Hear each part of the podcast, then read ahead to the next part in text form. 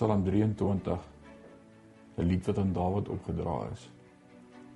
Die Here sorg vir my soos 'n herder wat sy skape oppas. Ek het niks meer nodig nie. Hy gee vir my die heel beste van alles: kos, veiligheid en vrede. Omdat die Here by my is, bekommer ek my nie. Wanneer ek moedeloos word, laat hy my die lewe weer anders sien. Hy gee my die krag om elke dag reg te lewe. Soos 'n goeie gids lei hy my elke dag om volgens sy wil te lewe.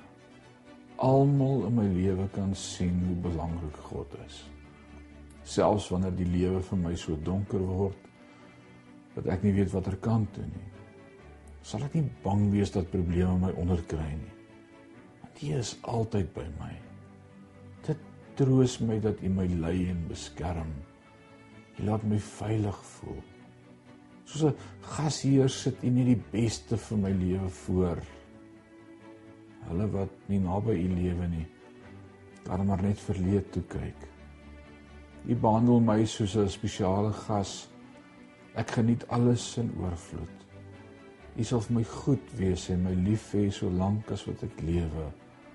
En ek sal naby U lewe tot ek die dag doodgaan.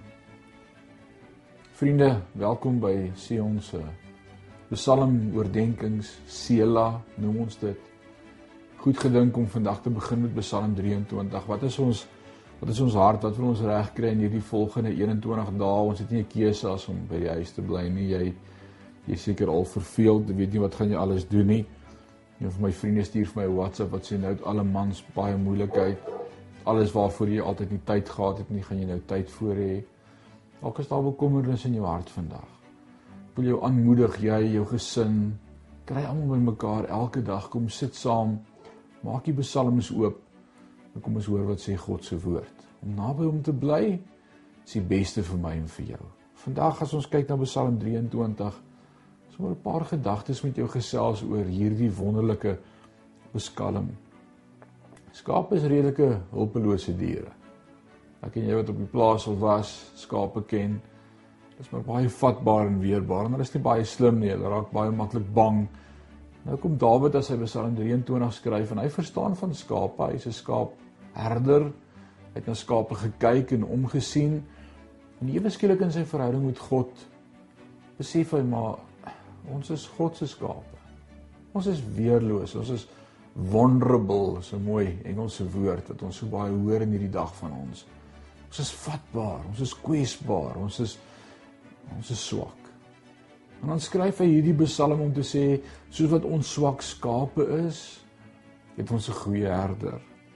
Dawid het 'n paar moeilike dinge deurgegaan toe hy Psalm 23 geskryf het. Sekerlik net so moeilik soos dit waardeur ek en jy gaan, selfs dalk nog moeiliker. Dawid sê ek ek loop deur die donkerste vallei en ons kry die gevoel dat sy lewe op die punt is om half uitmekaar te val. Dalk voel jy so oor jou lewe op die stadium.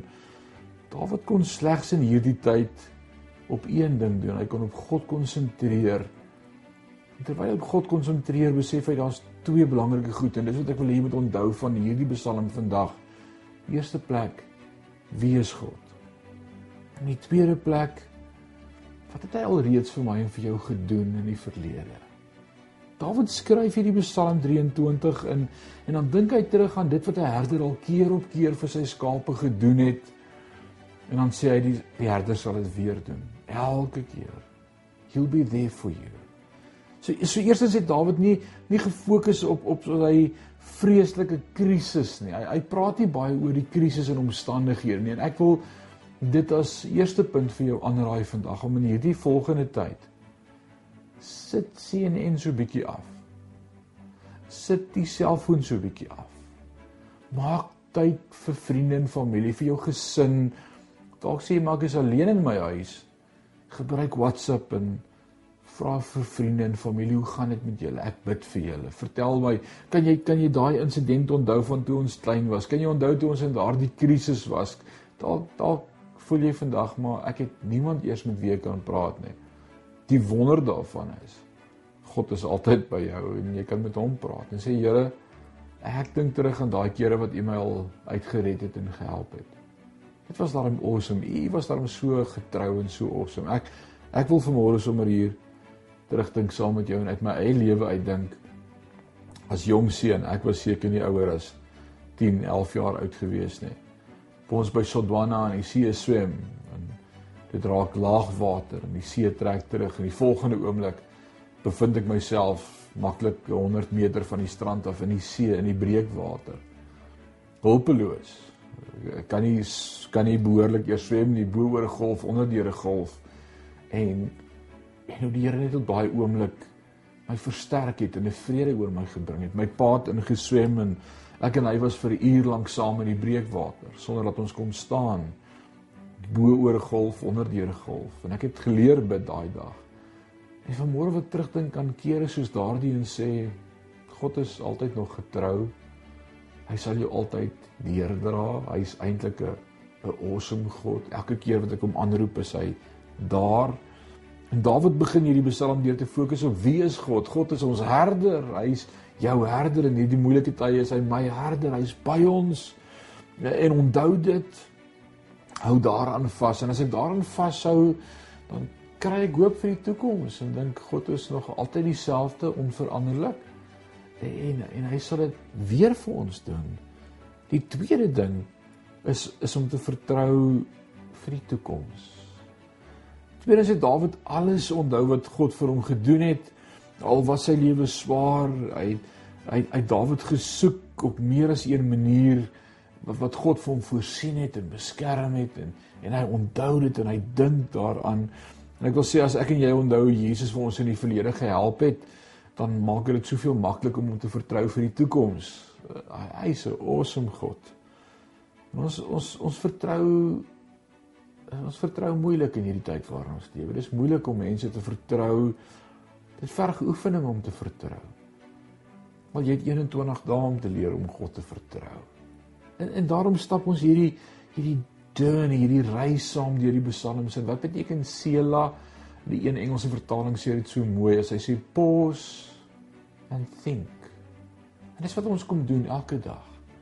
Ons kom net 'n oomblik pause en dink. Dan kan hoe awesome God is.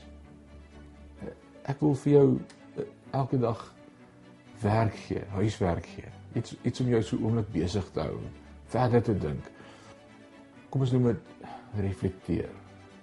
Is dit reg? Ek, ek wil vandag vir jou sê wat is die moeilikste situasie waarmee jy ooit in jou lewe moes deel? Wat was vir die grootste seer? Om net vir jou vra om te onthou hoe Jesus jou gehelp het daarmee. En hoe hy betrokke was as jy terugkyk en en jy sien hoe hy hoe jy eintlik gedraai het. Dan wil ek vandag vir jou vra Kom ons fokus op wie Jesus is. Dit sien ons in sy woord. Maak op sy woord. Ontdek wie hy is. Kan ons so oomblik met die Vader praat? Kom ons word stil en bid ons saam. Ewige God en Hemelse Vader. As ons vandag stil word, die woord oopmaak en hoor wat U vir ons sê dan wil ek bid dat hierdie blaaie en hierdie woorde wat geskryf staan vir elkeen van ons lewendig sal word in hierdie dag. Hierdie wonderlike psalm wat Dawid neergepen het, ons weet nie wanneer nie. Ons weet een ding, hy het verstaan dat hy weerbaar is, maar hy het ook geweet hy het 'n God op wie hy kan vertrou. Here, in hierdie dag bely ons ons het U nodig. En ons weet ons kan op U vertrou. My gebed is dat U ons styf sal vashou, elkeen van ons, daar waar ons luister, daar in ons sitkamer of slaapkamer of motor, daar waar ons dalk moet gaan werk en dis moeilike omstandighede ons wil nie. Vader, ook in daai doodsvallei. Dankie dat U by ons is. Ons eer U daarvoor. In Jesus naam. Amen. Mag die Here jou ryklik seën in hierdie dag.